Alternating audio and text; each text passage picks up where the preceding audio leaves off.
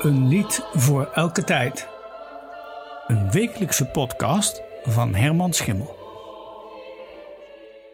In de vorige twee afleveringen van deze korte serie over passionen hebben we het gehad over de passies van Matthäus en van Marcus.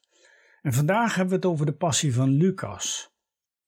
In de 15e, 16e en 17e eeuw was deze evangelist niet de eerste waar componisten aan dachten. Er is lang gedacht dat Bach ook een Lucas-passion heeft gemaakt. Mendelssohn dacht dat de compositie die doorging als zijnde van Johann Sebastian Bach waarschijnlijk door Bach is overgeschreven. Overigens was dat niet ongebruikelijk in die tijd. En tot op vandaag wordt daarover getwijfeld. Die twijfel is er ook bij de aan zijn zoon Carl Philipp Emanuel Bach toegeschreven Lucas-passion. Waarschijnlijk is het grootste deel van de hand van Gottfried August Humilius, een leerling van Johann Sebastian Bach. De Lucas-passion van Carl Philipp Emanuel Bach ontstond in 1776, zeer waarschijnlijk dus een bewerking van Humilius. En omdat er niet zoveel bekend is over deze passie, volsta ik hier met een kort fragment. Het koraal des Sollen wir uns troosten uit de Lucas-passion van Carl Philipp Emanuel Bach, uitgevoerd door Europa Choir Academie onder leiding van Joshua Daus.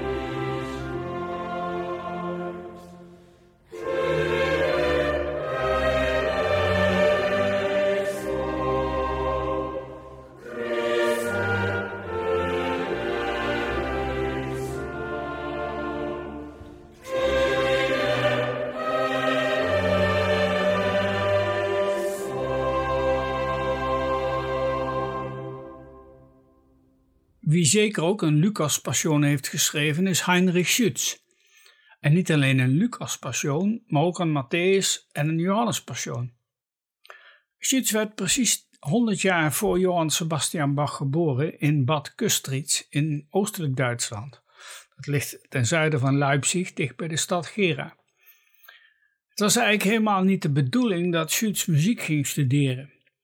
Zijn ouders wilden eigenlijk dat hij een fatsoenlijk vak ging leren, maar hij viel op omdat hij een mooie stem had en ging toch muziek studeren aan het Hof in Kassel. Hij kreeg het bij het Hof voor elkaar dat hij naar Venetië mocht om in de leer te gaan bij niemand minder dan Giovanni Gabrieli, die op dat moment kapelmeester was van de San Marco. Daar leerde Schütz de zogenaamde techniek van het corri spezzati. Dat is een techniek waarbij twee of meer ensembles van zangers en instrumentalisten tegenover elkaar musiceren. En als je ooit in de San Marco geweest bent, dan weet je dat dat daar heel mooi kan. Ook Monteverdi was daar een meester in. Uiteindelijk keerde Schütz terug naar Duitsland, waar hij zich vestigde in Dresden als hofkapelmeester bij de keurvorst van Saxe. Maar goed, even terug naar de Passionen, en wel de Lucas-passion van Heinrich Schütz.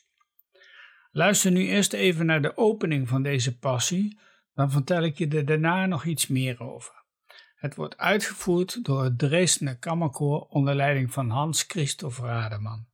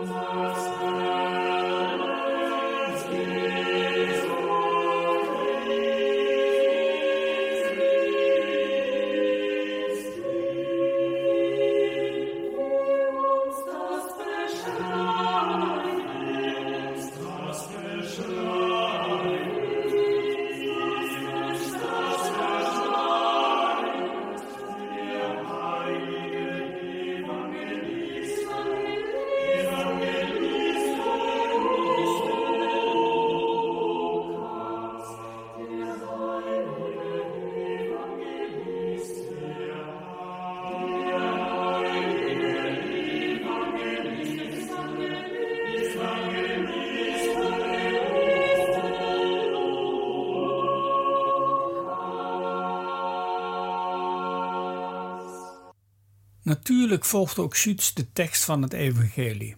Echter, de evangelist zingt die tekst daar meer als een soort chant. En dat gaat dan helemaal zonder instrumentale begeleiding.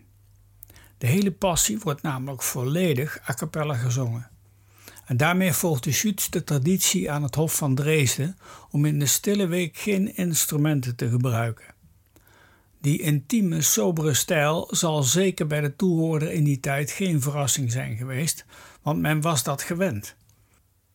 Deze stijl legt zo in het bijzonder nadruk op de tekst van het evangelie. Bij Bach bijvoorbeeld wordt het evangelieverhaal regelmatig onderbroken door commentaar, in de vorm van koralen of door aria's. Maar bij Schütz is dat niet zo. De vergelijking met de passies van Bach gaat wel op in de presentatie van de rollen. Schütz gebruikt er drie: de evangelist, de rol van Jezus en de derde rol wijst hij toe aan alle sprekende karakters die de evangelist ten tonele brengt. Ik laat je een klein fragmentje horen. Dat is het moment waarop Jezus gevangen wordt genomen. De evangelist zingt dat de discipelen zagen wat er gebeurde. En vervolgens riepen die: Zullen wij er met het zwaard op slaan? En vervolgens trof een van hen de dienaar en sloeg hem zijn rechteroor af.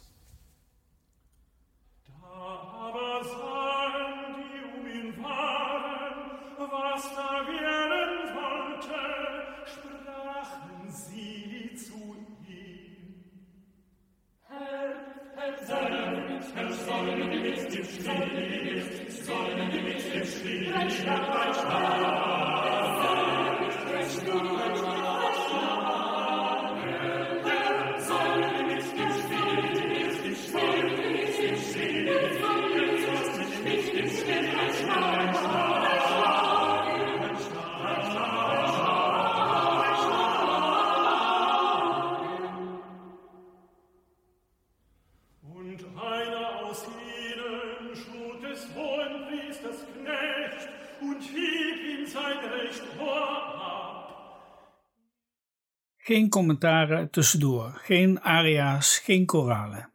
Dat maakt deze passie heel erg indringend. Schütz volgt het verhaal van A tot Z uit de Bijbel. Steeds als er groepen mensen aan het woord komen, bijvoorbeeld discipelen of hoge priesters, dan laat Schütz ze zingen door een vierstemmig ensemble. In zijn andere passies over Matthäus en Johannes doet hij dit net zo. Schütz volgt de tekst nauwgezet, waarbij hij door herhalingen het geweld suggereert, zoals je zojuist hoorde in Herr, zullen wir mit dem Schwert dreinschlagen. Ten slotte, Schütz sluit af met een meditatie met als titel Wer Gottes Marter in Ehren hat. En daarmee eindigen we deze podcast. Volgende week is de laatste van de vier evangelieën aan de beurt, Johannes. Fijn weekend.